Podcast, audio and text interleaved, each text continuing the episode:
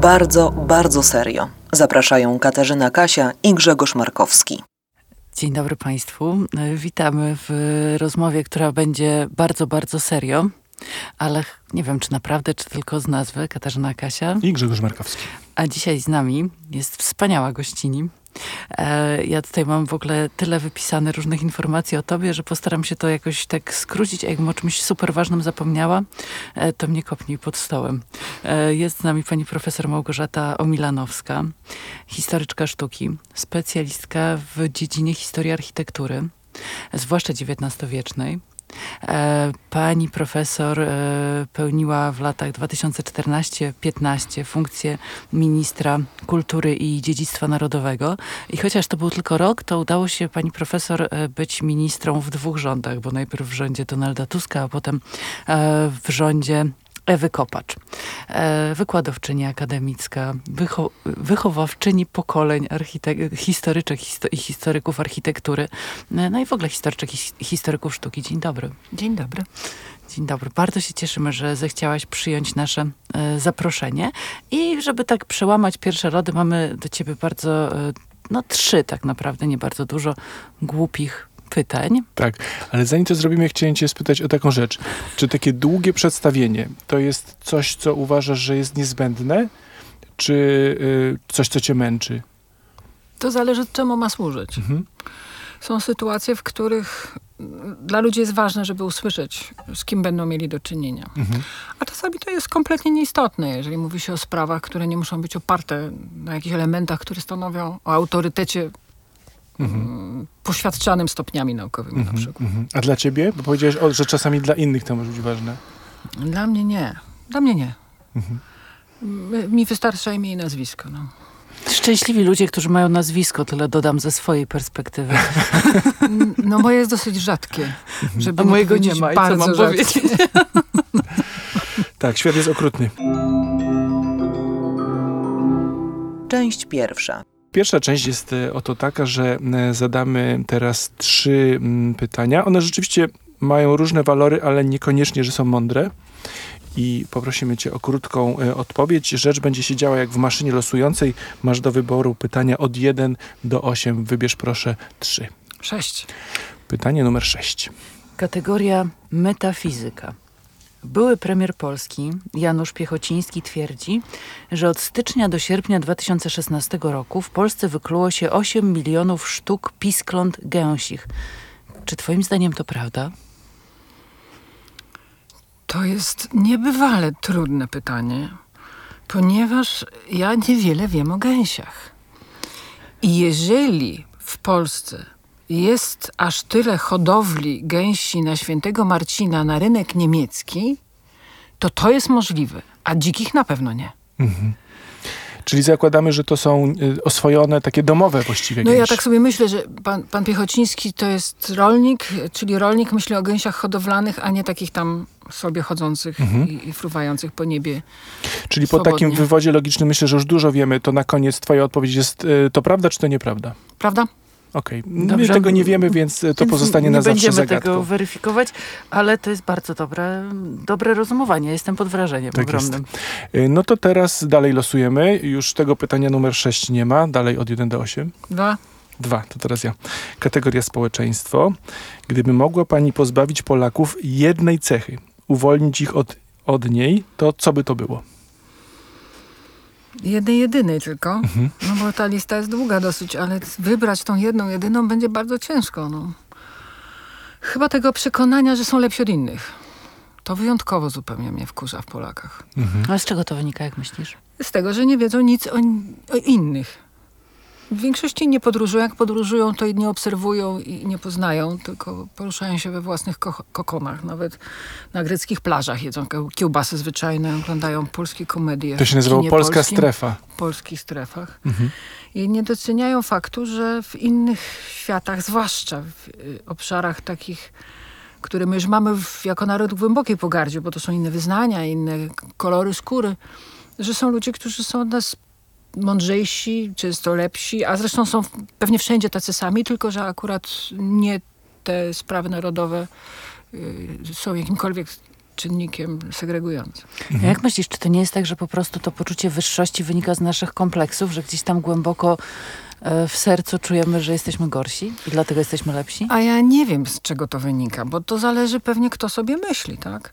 Mm, Ja mam oczywiście skłonność takiego myślenia historycznego? XIX wiek, spuścizna zaborów, tego, ale jak tak patrzę na takiego przeciętnego mm, obywatela polskiego przekonanego o tym, że jest lepszy od innych, to ja nie wiem, czy on mm, jest w jakikolwiek kawałku swojej świadomości y, sp- spadkobiercą jakiejś przyszłości uświadomionej. Czyli nie wierzysz w taką historię o tym, że my jednak gdzieś tam, nie wiem, jakoś genetycznie coś przejmujemy, jakaś ta historia jest z nas odciśnięta, to nie zostaje śladu? Oczywiście, że zostaje, tylko że myślę, że mm, dla większości ludzi jest to ni- nieważne. To znaczy, on, jeżeli są e, dzieckiem jakiegoś świata, to bez świadomości rodziców. No. Dobra, no i ostatnie, trzecie pytanie w naszym konkursie pytań Czyli niepoważnych. teraz bez dwójki i bez szóstki. Jakiś no to numer. siedem. Ale znowu kategoria metafizyka. Idziesz plażą i napotykasz obróconego do góry nogami chrabąszcza. Po chwili widzisz, że są ich tysiące. Po chwili widzisz obróconego do góry nogami Gombrowicza. Co robisz? Sprawdzam, czy Gombrowicz ma takie same dziurki w brzuszku jak te chrząszcze. Dlatego, że chrząszcze z reguły leżą na plecach te majowe, dlatego, że już zostały wyjedzone, przynajmniej częściowo przez ptaki. I one jeszcze leżą na tych pleckach i ruszają tymi łapkami, ale już mają puste te brzuszki. O nie matko. warto ich odwracać ani im ratować. No i to by trzeba było sprawdzić najpierw, a dopiero potem odwracać, bo tak to nie ma po co odwracać. Mhm. Czyli istnieje ryzyko, że Gombrowicz też został wyjedzony przez ptaszki? No jak leży odwrócony do góry nogami, to tak. Czy taki ptak, który zjadł Gombrowicza, przejąłby trochę polskości? Zdecydowanie nie. Bo myślę, że polskość nie zasadza się w brzuszku. Gdzie? W serduszku? E, w głowie. W głowie? W głowie, gdzie tam w sercu? W sercu to wiadomo, co jest. No. Trochę mięśni, dużo krwi przepływającej i tyle. No tak, ale w sumie tak sobie, wiecie, pomyślałam, obrazując sobie, wyobrażając sobie, jakby wyglądał ten Gombrowicz na plaży, że większość ludzi leży na plaży do góry brzuszkiem. Czyli to jest takie pytanie do nas wszystkich, co robimy na plaży, widząc ludzi y, leżących brzuchem do góry? Czy ich obracamy, czy nie? Jak nie mają dziurki w brzuszku, to nie nie. obracamy. To niech sobie leżą, To to, znaczy leżą, wszystko jest tak. okej. Może do tego jest y, ten fenomen parawanów, że my bojąc się, że będziemy obracani na brzuch, po prostu się grodzimy. My się grodzimy też z, po- z powodu, że wiesz, nie chcemy, jesteśmy najlepsi. Mój parawan jest lepszy niż, niż twój parawan. Możliwe. No dobrze, to mamy za sobą te mniej mądre pytania. Teraz będą tylko bardzo mądre. Przejdziemy do tej części trochę poważniejszej. Część druga. Podzieliliśmy to sobie tak, żeby rozmawiać. Zaczniemy od kultury, bo w końcu, wiesz, mamy wielki zaszczyt, gościmy mm, panią minister. W związku z tym postanowiliśmy trochę ten fakt wykorzystać. E, sprawdzałam i mm, dotarło do mnie, że od 1918 roku byłaś trzecią kobietą, która była ministrem kultury w Polsce. Po Joannie Wnuk-Nazarowej i po Izabeli Cywińskiej byłaś trzecia. I, I tak oczywiście ten e, resort jest resortem dosyć silnie sfeminizowanym, e, bo w ogóle były kobiety ministrami kultury, mężczyzn było 33 i trzy, trzy panie, jakoś tak się ładnie ułożyło. E, I jak myślisz, czy na ten fakt trzeba patrzeć wyłącznie właśnie z perspektywy statystyki? Czy on ma może jakieś głębsze znaczenie? E, I czy to wynika z faktu na przykład, że kobiety nie chcą być ministrami, nie chcą iść do polityki? Czy z E. czegoś innego? Znaczy, może tak było w dwudziestoleciu międzywojennym, tego nie wiem. Była pani minister, która tańczyła, tak mi to wszyscy potem wypominali, że ona tam tańczy, a ja nie. Ale chyba w jakimś innym resorcie, nie w kulturze. Natomiast ja myślę, że dzisiaj to w ogóle nie jest kwestia tego, że nie chcą. Ja myślę, że to jest kwestia tego, że ciągle tym światem rządzą faceci i tyle, zwłaszcza polityką. No, tyle, żeśmy się nasładzali liczbą kobiet w pierwszym rządzie Beaty Szydło, bo było ich rzeczywiście tam bardzo dużo. No, ale to tak troszkę było, a dzisiaj to ile ich tam jest? Ile nas? Jedna. Raz. I to jeszcze taka, której nawet chyba nawet z nazwiska nie potrafi wymienić i, i, i prawie nigdy jej nie widać, prawda? Bo ona ma o, o połowę okrojone kompetencje niż jej poprzednicy na tym stanowisku. A co to znaczy, że rządzą? To jest świadome działanie, które wyklucza kobiety? Jak- to jest mechanizm? Mechanizm jest taki, że y, mężczyźni z moich obserwacji wynika, ale ja generalizuję, już w tej chwili to już jest nieprawdą, bo mogę pokazać wiele kobiet, które też mają taką cechę i też facetów, którzy takiej cechy nie mają. Ale większościowo mężczyźni są bardzo pragmatyczni, cyniczni, bardzo ambitni i- y, są gotowi do bardzo daleko idących poświęceń, żeby osiągnąć swój cel. Kobieta y, w podobnej grze zachowuje się bardziej... Cofnie się. y, Tak, pół- cofnie się pół kroku, będzie szukała negocjacji, rozejrzy się sześć razy, sprawdzi, czy nikomu nie doptuje na odcisk. Nie ma takiej cechy takiego tarana, który, który dąży do, do z góry opatrzonego celu i jest bezwzględnie też przygotowany do mówienia nieprawdy.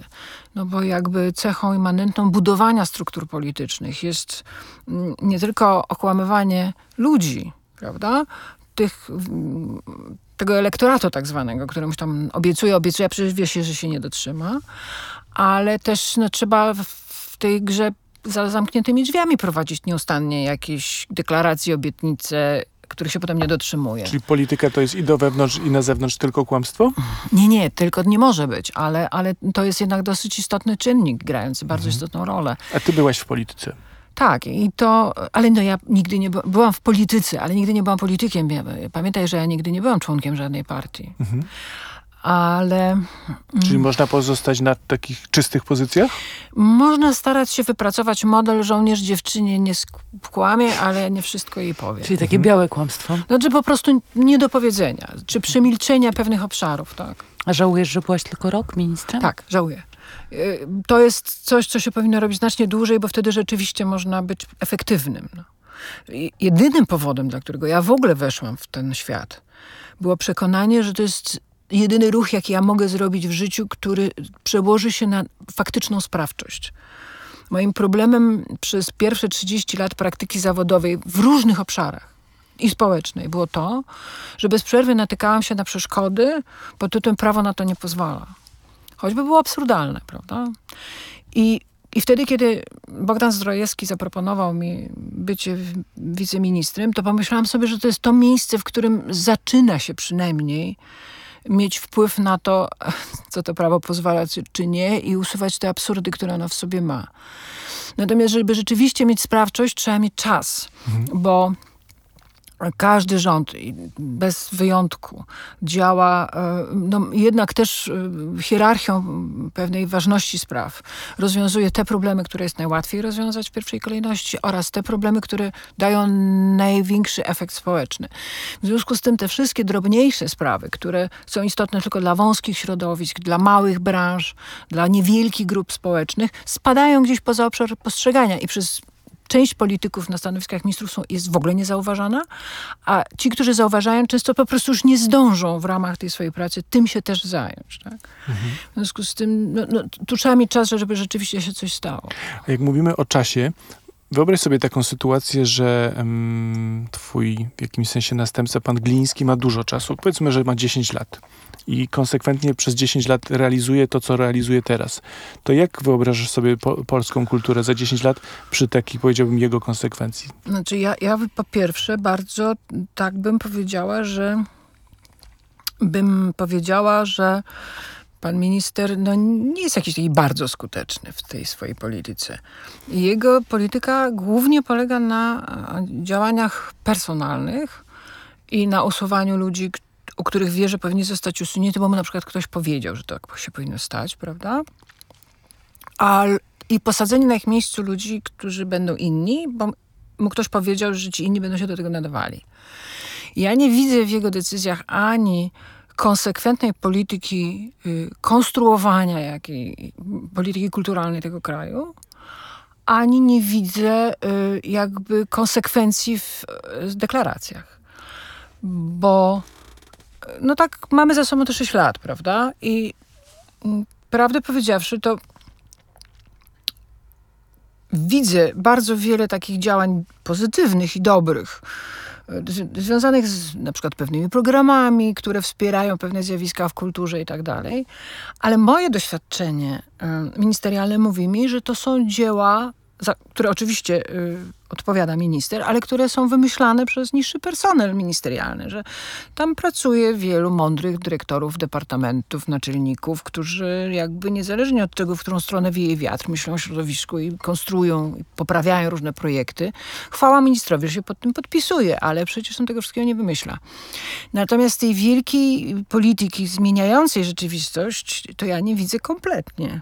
Wszystkie te projekty, które są w tej chwili realizowane, to są albo projekty już dużo wcześniej rozpoczęte, albo się teraz inaczej nazywają, prawda? Za moich czasów to była kultura dostępna, a teraz się nazywa kultura bez barier. Ale jak mi ktoś powie, czym się to różni, to ja pogratuluję. To jest ciągle ten sam projekt, tylko się inaczej nazywa.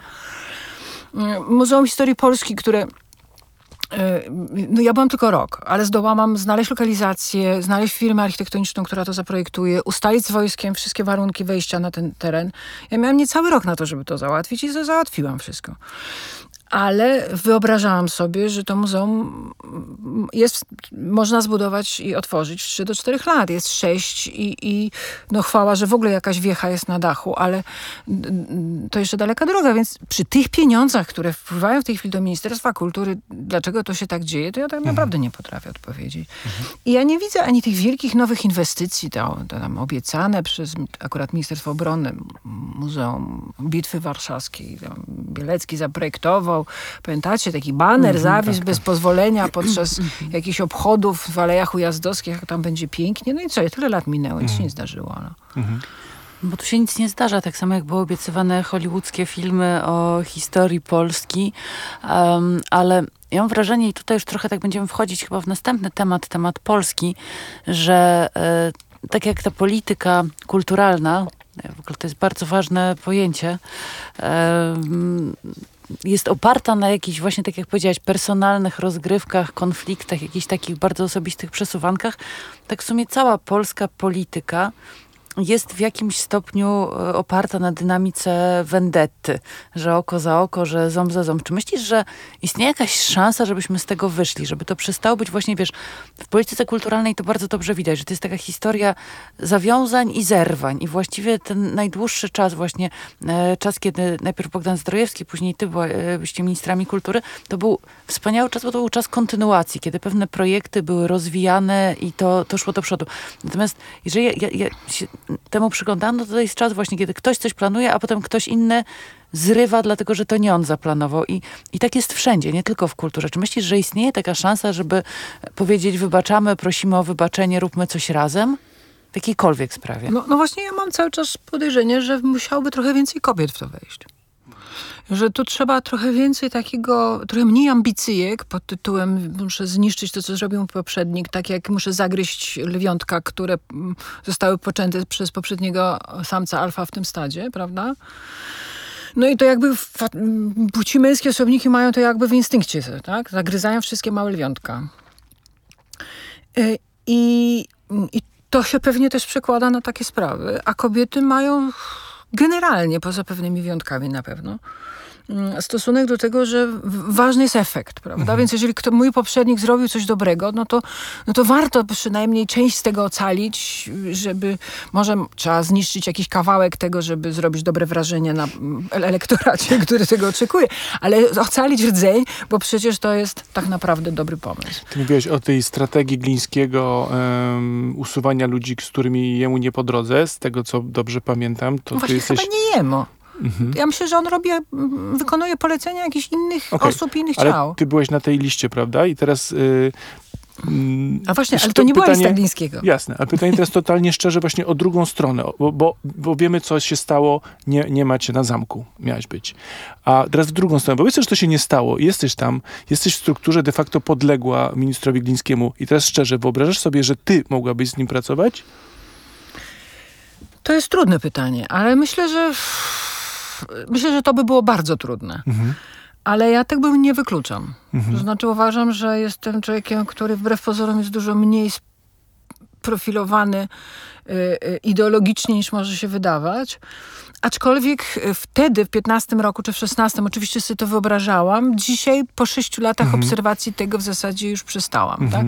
Ale to też wynika z faktu, że ja sobie 6 lat temu nie wyobrażałam, że podział między Polakami będzie aż tak głęboki. Ja przecież w ciągu ostatnich pięciu czy sześciu lat straciłam wielu przyjaciół, którzy wcześniej, mimo że ja byłam ministrem Platformy, a oni byli zwolennikami PiSu, e, cały czas utrzymywali ze mną kontakty o charakterze- stricte towarzyskim. Nie było tam żadnego podtekstu interesu, tak? Mm, Mieliśmy, mieliśmy po prostu cały czas relacje wynikające ze wspólnych przyszłości, czy, czy młodości, czy jakichś wspomnień. I te relacje popękały właśnie nie w 2010 roku, który tak jest pokazywany jako ten, kiedy się zaczęło pęknięcie, ani 11, ani 12, ani 14. To się stało teraz, w ciągu tych ostatnich lat. To teraz się zerwały te więzi. Ale to właśnie było to pytanie Kasi o tą vendettę. Twoim zdaniem, właśnie patrząc, wiesz, nie na ten poziom tam polityki, tylko właśnie na, na, na nasz świat, każdego z nas, to ty sobie wyobrażasz, że to jest proces do zatrzymania? Jesteś w stanie wrócić do tych przyjaciół, czy to jest właśnie stracone na zawsze i zostanie ten e, między nami rów i koniec? Myślę, że będzie to niesłychanie ciężkie i w większości przypadków się nie uda. To wynika przede wszystkim z faktu, że mm, nastąpił całkowity, pełny rozdział baniek informacyjnych.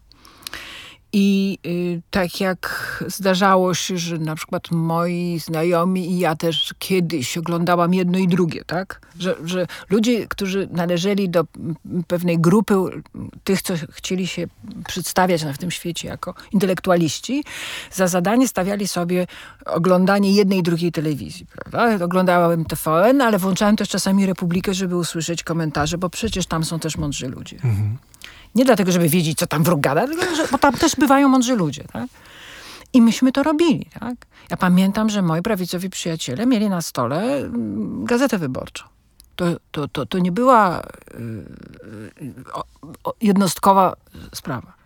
Myśmy rozmawiali o komentarzach różnych dziennikarzy z różnych stron, jak oni to widzą. Prowadzili dyskusję na ten temat.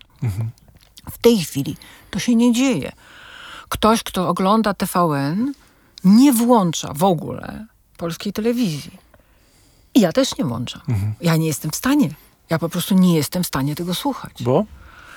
Bo e, z mojego punktu widzenia jest to nachalna propaganda. No, przy, używająca zresztą wszystkich narzędzi, jakie znam jako historyk sztuki, zajmujący się historią sztuki wizualnej, jaką, jak znam z przeszłości, jakie wypracowano jako konkretne, bardzo precyzyjnie opisane w literaturze metody, prawda? Więc tam, tam podręcznikowe rzeczy chodzą.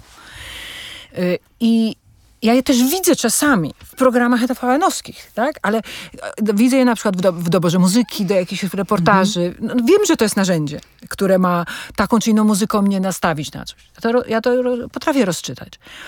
Ale Wiem, że moi znajomi dawni nie oglądają kompletnie i nie czytają tych mediów, z, którymi, z których ja czerpię wiedzę. I w momencie, kiedy my się w jakikolwiek sposób zaczynamy próbować porozumiewać, okazuje się, że opowiadamy sobie o dwóch różnych rzeczywistościach. Nic się nie zgadza. Nic się nie zgadza, rozumiecie? Po prostu się nic nie zgadza. Oni mnie mają za idiotka, a ja ich za idiotów. No tak, ale czy myślisz, że to jest, em, czy jest jakakolwiek opcja, żeby, e, żeby ponad tym przejść? Nie wiem, dogadać się, wiesz, o czymś innym rozmawiać. Przecież nie musimy cały czas rozmawiać o polityce. No, takie wysiłki czynimy pewnie mniejszym lub większym lub mniejszym sukcesem na, łonie rodzinnym, bo jeżeli mamy do czynienia z pęknięciami w, w, w układach rodzinnych, prawda, gdzie one czasami przebiegają przez stół wigilijny, a czasami przez stół codziennych śniadań, które się je 365 dni w roku razem, no to tam się wkłada wysiłek w to, żeby opowiadać o chorobie psa, o sukcesie wnuczki i, i, i, i tak dalej. Tak. Ale to Tylko też pamiętajcie, bo mówimy o bańkach informacyjnych i ten przykład y, fakty wiadomości jest pewnie gdzieś tam dobrze to ilustruje. Tylko jest jedna ważna rzecz. Do jednej z tych baniek wlewanych jest codziennie nie dwie bańki, tylko dwa miliardy złotych rocznie. E, Poziom wzmocnienia dla kłamstwa, o którym mówisz, jest taki, że ja w tym upatruję paradoksalnie nadzieję. Znaczy, gdy się tą rurę wyłączy, to dużo, dużo z tego, z tego dwuświata, w którym jesteśmy, po prostu zniknie, bo on jest dzisiaj sztucznie bardzo mocno podtrzymywany. Ja wiem, ale słyszę ministra zdrowia, który mówi: Proszę Państwa, wzrosły ostatnio nakłady na onkologię. Mhm. Jakżeż to pięknie brzmi, prawda? I gdybym nie usłyszała profesora Szczylika, który następnego dnia mówi, tak, one wzrosły dlatego, że zabiegi onkologiczne są nielimitowane i po prostu wzrosła liczba chorych. I w związku z tym więcej pieniędzy musi wypłynąć z kasy NFOS-u, żeby pokryć deficyt tych instytucji, które musi diagnozować tych ludzi, którzy stoją w kolejce przed naszymi klinikami. To ja się pytam, znaczy jedno i drugie jest prawdą poniekąd, co zostało powiedziane, tak? Ja być może jestem tutaj naiwny, ale nie mam żadnych wątpliwości, że całe to towarzystwo, które dzisiaj rządzi Polską, jest regularnie szkolone. Szkolone właśnie z tego, jak mówić i de facto jak kłamać. Znaczy ktoś z tych szkoleń też albo będzie w przyszłości korzystał, albo nie, albo będzie wchodził w te wszystkie narzędzia, o których powiedziałaś, albo nie. Liczę na to, że kiedyś wrócimy do sytuacji, w której nawet mając e, na wyciągnięcie tego typu sztuczki, o, ludzie, którzy będą rządzili Polską, po niej nie sięgną. Ale zostawmy to. Chciałem cię mm, właśnie nie spytać o dzisiaj, tylko o przeszłość. To jest takie pytanie, które mnie strasznie, strasznie, mnie osobiście chyba najbardziej męczy w tej historii, bo ty powiedziałaś o roku 2010, 15, mamy teraz 21, a mnie interesuje to, co się stało po 89 roku, bo teraz sięgnę po taką szumną figurę, e, e, figurę elit intelektualnych Polski, do których niewątpliwie i należałaś, i należysz. I, py, i moje pytanie jest takie, bo ja mam, te, ja mam hipotezę. Ja mam taką hipotezę, że coś w tym, co genialnie zrobiliście, naprawiając, ratując Polskę, przynosząc jej wolność, zostało jednocześnie przeoczone. Że w tej historii, którą mamy dzisiaj, którą żeśmy zobaczyli, która się ujawniła w 2010 roku, ale na pewno się wtedy nie zaczęła, ona się zaczęła dlatego, że coś przeoczono. Moim zdaniem w edukacji. I teraz mm, zastanawiam się, czy jak ty patrzysz na, na, na ten kawałek historii, niesamowitej w historii Polski, odzyskania, a potem utraty czegoś, to czy masz taką myśl, że właśnie w tej gigarobocie, którą żeście wykonali, jednocześnie coś zostało schrzanione, przeoczone, zapomniane i dzisiaj za to płacimy e, cenę? Znaczy ja, ja jestem przekonana o tym, że lista rzeczy, które można było wtedy zrobić, y, y, a nie została zrobiona, jest bardzo długa. Ale to jest taka ilustracja klasycznego polskiego powiedzenia, że jakbym wiedział, że się przewrócę, to bym usiadł, nie? Y, I, Czyli i nie można było wiedzieć, nie wierzę w to. Przede wszystkim pamiętajcie o jednym, że myśmy byli, ubóstwo to jest mało powiedziane. Myśmy byli dużo poniżej poziomu przeżycia. I to dotyczyło nie tylko e, chłopów tracących pracę w PGR-ach i zastępów robotników tracących pracę w bankrutujących fabrykach. Ja w 89 roku miałam siedmioletnie dziecko, byłam już po rozwodzie i zarabiałam po pięciu latach pracy cały czas nieustająco najniższą pensję krajową, tak? No bo to tak było, że jak się skończyło studia, to się dostawało najniższą pensję krajową i potem się dostawało podwyżkę, ale ta najniższa pensja krajowa też rosła, w związku z tym się było tak przez lata całe na najniższej pensji krajowej. I ta najniższa pensja krajowa y, nie starczała na przeżycie podstawowe, w związku z tym gro mojego czasu poświęcone było na dodatkowe da- zarabianie pieniędzy. Ja robiłam w życiu najdziwniejsze rzeczy. Projektowałam naklejki na oranżadę dla prywatnego producenta, wycinając nożyczkami zdjęcia szklanek whisky z The Economist, który jakimś cudem do mojego ojca trafiał z jakiejś prenumeraty z, od 20 lat i doklejając do nich zdjęcia cytrynek i, z letrasetu robiąc literki i, i, i, takie naklejki, takie, takie były tam naklejane zarabiałam pisząc na maszynie, zarabiałam tłumaczeniami, ale ich było bardzo mało, także moja znajomość pięciu języków była do niczego niepotrzebna. Ale przede wszystkim, żeby zafunkcjonować w ogóle w układzie z córką, musiałam właściwie prawie wszystko, co żeśmy na siebie zakładały, bo na, mówimy też o deficytach e, nieobecności w handlu niczego, co się nadawało do kupienia. Nauczyłam się właściwie wszystkiego, tak? To znaczy robienia na drutach, szydełkiem, szycia, szycia z patronów. Także ja... e, Co to jest życie z patronów? no, no ku- wycina się z gazet takie wzorki i się przykłada i to się albo pomniejsza, albo powiększa na, na właściwego numeru i się wycina i wychodzi z tego bardzo ładna kurtka. Gazeta Burda była coś takiego. No, ale nie, to, to dodatki do kobiety i życia, takie wkładki były, różne rzeczy były. I ja mm, 20 godzin na dobie, na dobę spędzałam na tego rodzaju działaniach, tak? To znaczy szyciu na przykład zimowych spodenek dla mojej córki ze swoich starych spodni. Moje stare spodnie już niczego nie nadawały, się przetarły na tyłku, ale jak się coś takiego ładnie spruje, upierze, wyprasuje żelazkiem przez zaparzaczkę, to uzyskuje się takie bryty materiałów i te małe spodenki zawsze z tych dużych spodenków można wykroić, mimo tych dziur. I moja córka wszystko, co zakładała na siebie, poza bielizną, od trzeciego do dziesiątego roku życia byłam wyprodukowane moimi rękami, łącznie z zimową kurtką ortalionową, może z kapturem, łącznie ze spodniami narciarskimi, łącznie z sukienką do pierwszej komunii, którą jej, którą jej uszyłam ze swojej własnej sukienki ślubnej, którą też tak samo sprułam i uszyłam drugą taką samą, tylko ładniejszą. Więc jeżeli ktoś mi mówi, że wtedy można coś było zrobić inaczej czy lepiej, to zastanawiam się, kto miał to zrobić, tak? I w którym momencie między tą jedną wielką kolejką, a tą drugą wielką kolejką, między tym jednym pustym garem, a tym drugim pustym garem, myśmy jeszcze gdzieś latali, coś demonstrowali. Ja pamiętam tą noc spędzoną e, w niespodziance, pamiętam to stanie w czerwcu 89 roku przed płotem któregoś z, z, z punktów wyborczych i tłumaczenia osobom, które pierwszy raz w życiu tak naprawdę szły na wybory, na czym polegają wybory, jak się robi, nie sugerując, jak mają zagłosować, tylko ucząc że- w ogóle o co chodzi, prawda, w tym całym procesie. I jeżeli się pomyśli o tym i popatrzy budżetowo na to, tak? Na to, że w, Polsce między 89 a 2000 rokiem, czy 2001 roku właściwie nie było żadnej inwestycji ze środków publicznych. Żadnej. Znaczy nie zbudowano ani jednego budynku, ani jednego nowego szpitala, ani jednej nowej szkoły, ani jednego nowego budynku urzędniczego, ani żadnej. Weźcie sobie e, czasopismo Architektura Murator, które wtedy wychodziło. Po przerwie zaczęło wychodzić. Co było największym osiągnięciem architektonicznym miesiąca tam prezentowanym? deweloperska realizacja taka, bo, bo zaczął się taki ostry rynek deweloperski, prawda?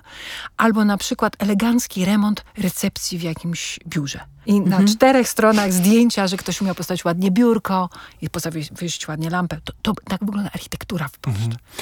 Więc jeżeli my dzisiaj mówimy po 30 latach trzeba było, no to wyobraźcie sobie, kto miał mieć wtedy tą wyobraźnię i te możliwości i te środki na to, żeby to, co dzisiaj jest tym brakiem, wówczas zasypać. Ja bym, broń Boże, nie chciał, żeby to zabrzmiało jako jedno z tych takich zresztą modnych teraz pytań, że trzeba było to zrobić lepiej. Naprawdę, nie, jeżeli to tak zabrzmiało, to przepraszam.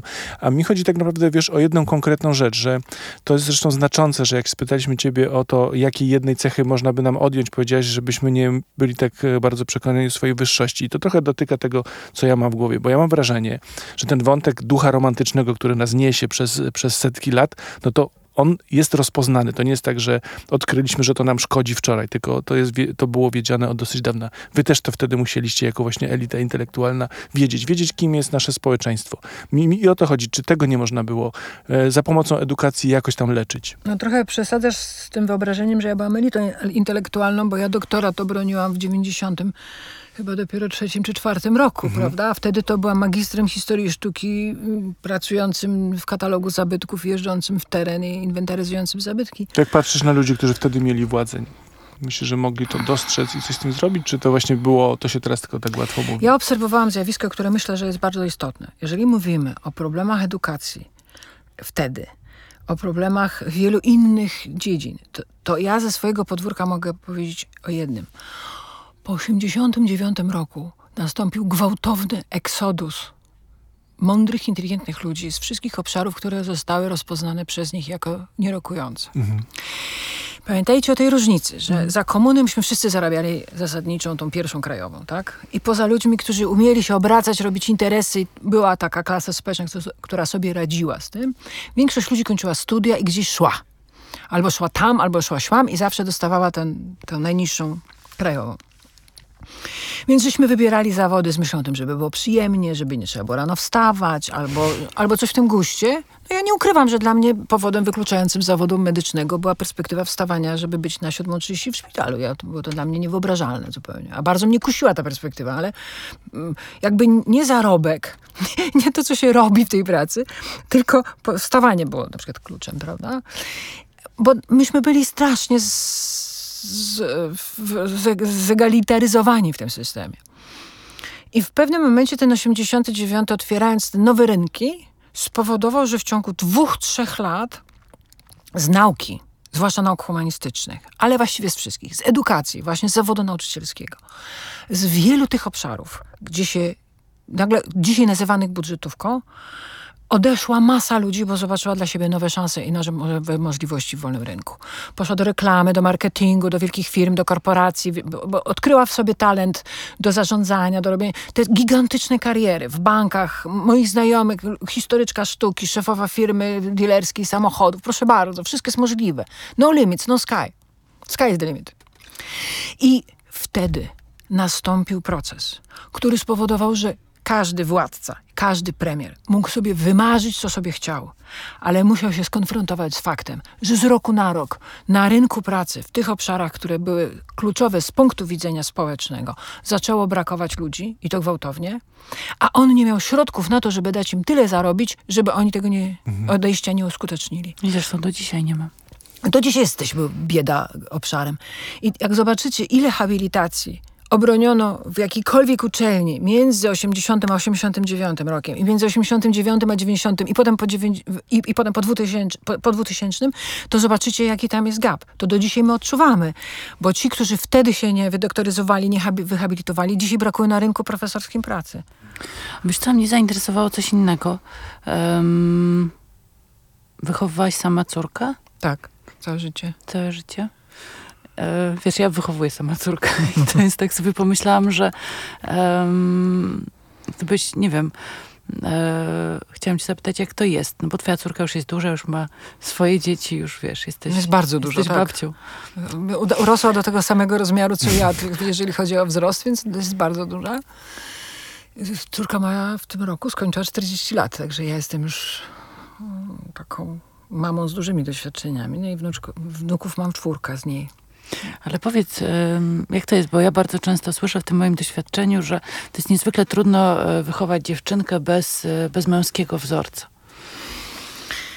Ej, Ja myślę, że dużo trudniej jest wychować dziewczynkę z męskim wzorcem, który nie jest jej ojcem biologicznym. Żyjemy w świecie, który jest trudny. I myślę, że ze wszystkich możliwych kombinacji brakujących matek, brakujących ojców, synów i córek, kombinacja, że jest matka z córką i mężczyzna, który nie jest biologicznym ojcem tej, tej dziewczynki, jest to najtrudniejsza kombinacja. Y, I ona ma swoje y, y, jakby problemy poza wolą i, i- i, i osobowością i charakterem zarówno tej dziewczynki, jak i tego ojca, nie, męża, nie ojca, tak? Y, Bo pewne zjawiska biologiczne y, dzieją się często bez możliwości skontrolowania takiego dzień po dniu przez kogoś. Ale o czym myślisz? Na Znaczy, ja myślę o tym, że, trudność? że dla obcego faceta bycie ojcem trzyletniej dziewczynki jest bardzo proste. Ale dla obcego faceta bycie ojcem 15-letniej dziewczynki, która wychodzi w samych majtkach z łazienki i się mm, przeciąga, kompletnie nieświadoma tego, że jest już kobietą, a ciągle myśli albo kategoriami jeszcze dziecka, albo nieświadomego skutku swoich działań nastolatka czy podlotka. I ten mężczyzna, który musi sobie poradzić z tym i zbudować barierę mm, oddzielającą go od... Tych 15 lat na to nie wystarcza? Wiesz co, chyba nie. A ja niestety mówię to nie tylko e, z teoretycz- na podstawie teoretycznych założeń, ale też obserwacji, na szczęście nie moich własnych. Ale moja decyzja była bardzo świadoma i bardzo wczesna, że dopóki moja córka nie osiągnie dorosłości, nie wyprowadzi się z mojego domu, w moim domu nie zamieszka żaden mężczyzna. I nigdy nie żałowałam tej decyzji. A jak to było? Bo ja, wiesz, ja sobie czasem myślę, że w takiej sytuacji, kiedy sama wychowujesz e, córkę, to e, cała wina za wszystkie złe rzeczy na tym świecie spada na ciebie. To oczywiste. Jesteś tarczą do rzutek. No tak, tak, oczywiście, że jest. Można jakoś to przetrwać? Ale jasne. A poza tym, jakby był ojciec, to było tak samo, bo matka zawsze jest taczą do rzutek. To, to jest, czy jest ojciec, czy nie ma.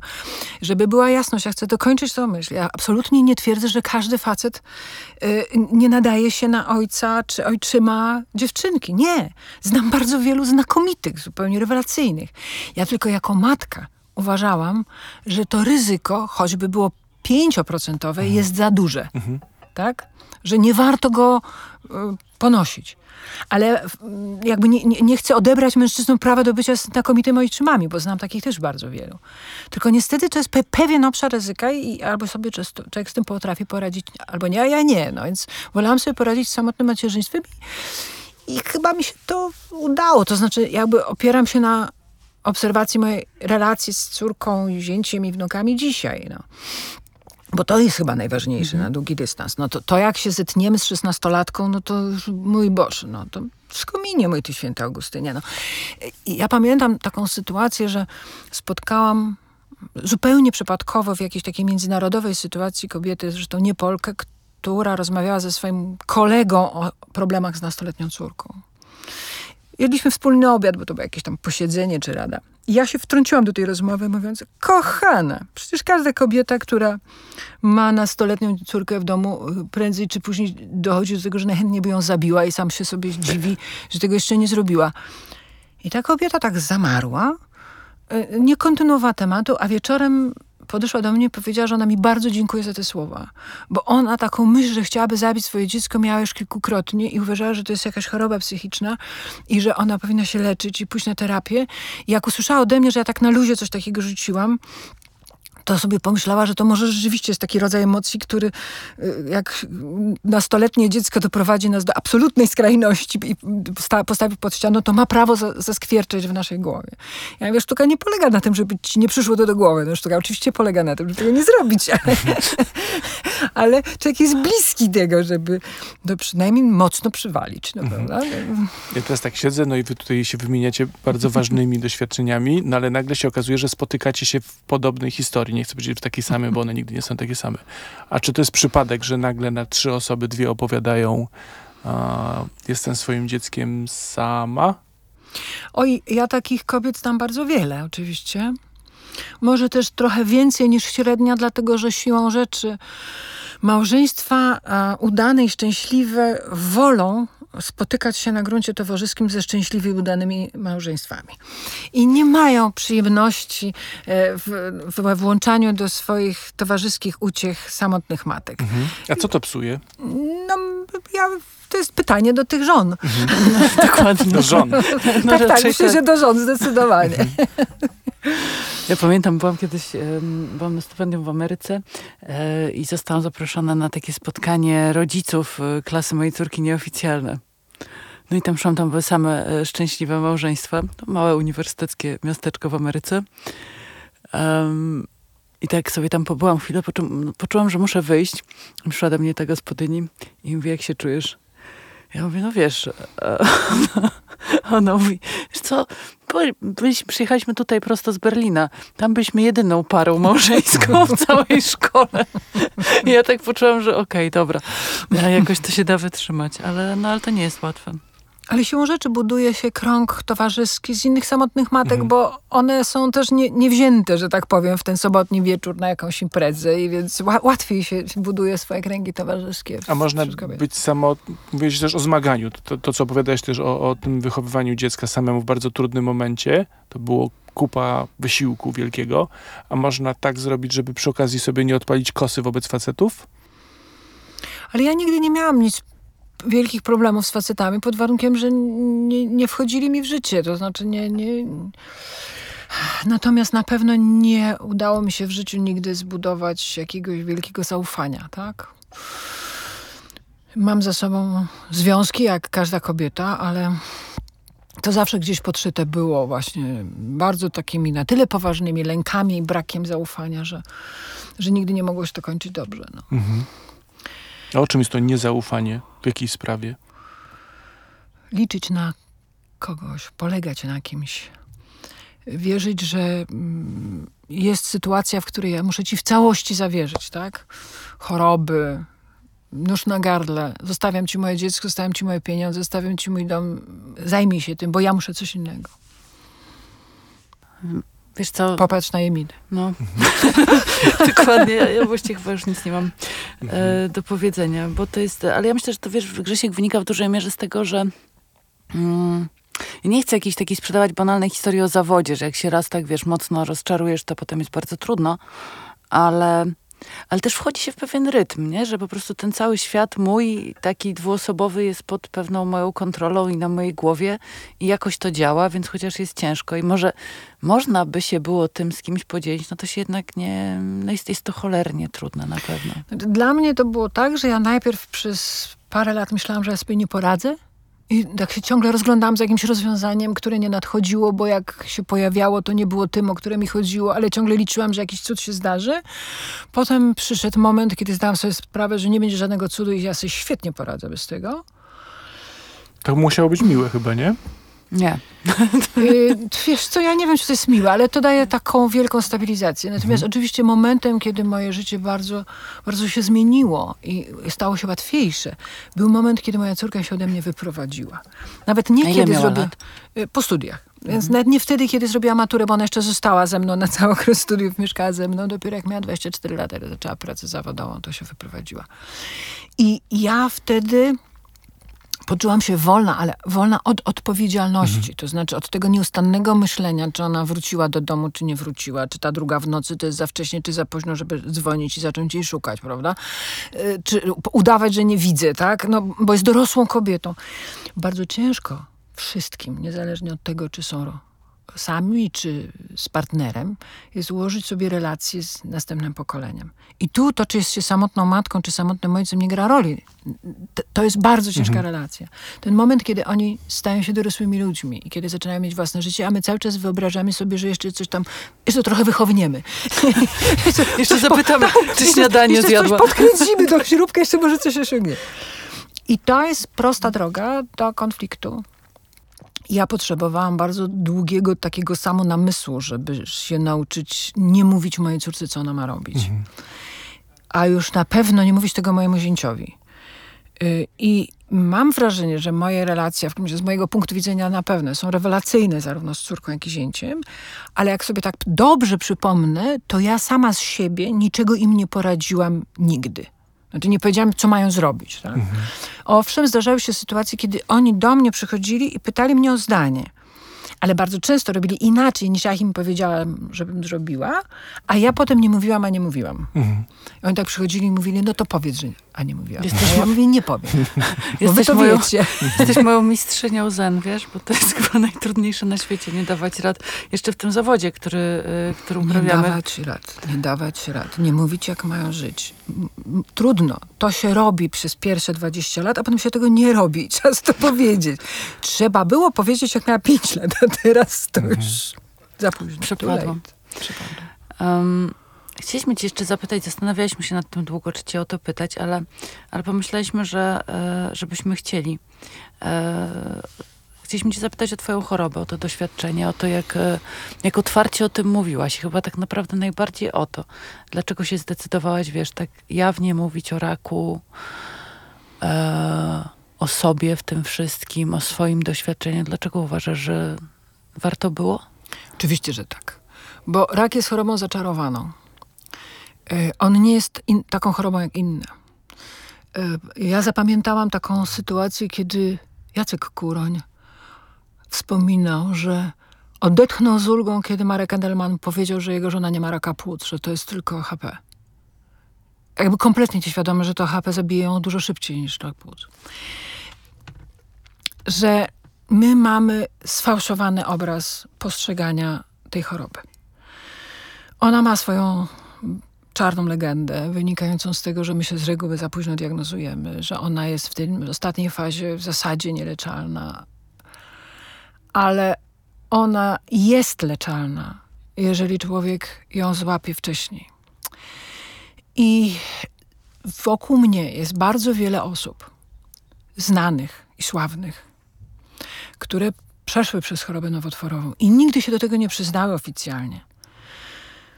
Ja też rozumiem często dlaczego, bo ja sobie zdaję sprawę z tego, że wtedy, kiedy człowiek jest w trakcie leczenia czy w trakcie choroby, to wie, że ryzykuje na przykład utratą stanowiska, zleceń, różnych rzeczy, a nie będziemy mu dawać tej roli filmowej, prawda, bo wiadomo, czy dożyje do premiery. Ale, więc rozumiem motywacje, dla których się tego nie robi.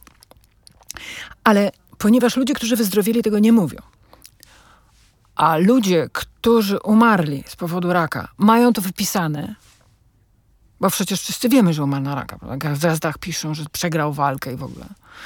To uczymy tego społeczeństwa, że to jest choroba, która Na nią się tylko umiera.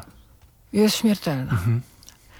I powodujemy cofnięcie szans, odebranie szans na podjęcie leczenia. Ja znam bardzo wiele osób, które dowiadując się, że mają nowotwór, w ogóle nie podjęły walki. Bo uznały, że skoro jest to choroba śmiertelna, to lepiej sobie jeszcze pożyć pół roku przyjemnie. Tak zrobił jeden z moich krewnych, u którego przez przypadek wykryto raka płuc w bardzo wczesnej fazie. maleńką zmianę na dolnym płacie, na szarym końcu płuc. Operowalną 30 razy. Tak? Lekarze szczęśliwi jak dzieci. No bo jak oni złapią takiego pacjenta, którego mogą wyleczyć, to go bardzo kochają od razu. I na dzień przed operacją zapakował walizkę i wyszedł z tego szpitala.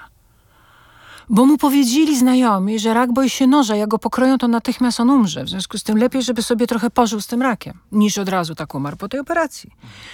No i on sobie nawet trochę pożył. Tak z rok. Ale jak sobie pomyślę, że mógłby żyć do dzisiaj, gdyby nie sakramencka głupota, jaką się wtedy wykazał, no nie mnie go sądzić, tak? Już go dawno nie ma między nami. Ale jak myślę o takich przypadkach, to mi się, no mi serce pęka. Czyli dlatego o tym mówisz, żeby Ja ludzi z tego lęku tym, wyciągać? Bo ja jakby od początku, po, po pierwsze, uważałam, że mm, jestem z tych pacjentów, którzy mają duże szanse na przeżycie, tak? Mój luksus na początku choroby polegał na tym, że ja wiedziałam, że ona nie jest zaawansowana, że ja nie mam przerzutu w momencie, kiedy mnie rozpo, kiedy rozpoczęłam leczenie. A to oczywiście bardzo zwiększa szanse pacjenta. Więc uważałam, że jestem po tej stronie, która ma na tyle dużo szans, że warto o tym mówić, tak?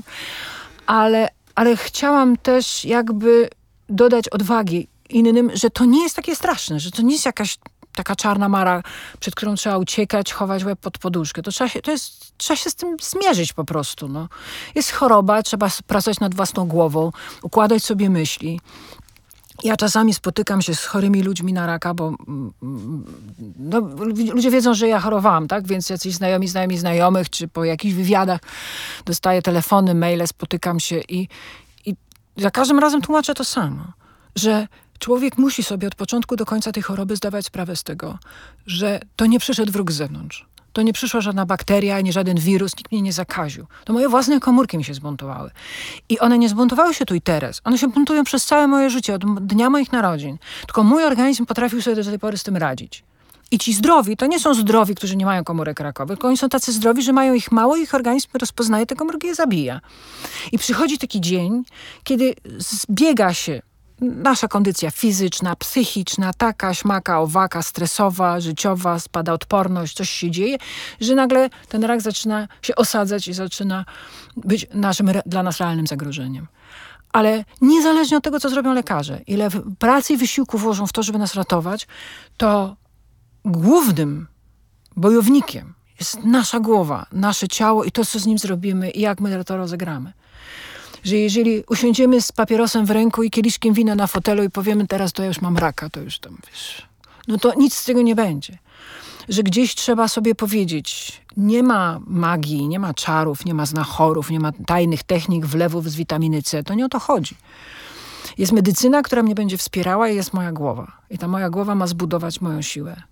Do tego, żeby mój organizm poradził sobie z tymi komórkami, które latają po moim organizmie, bo one latają wszystkie. Jakoś im, u, u nich sobie radzą, to dlaczego my ma sobie z tym nie poradzić?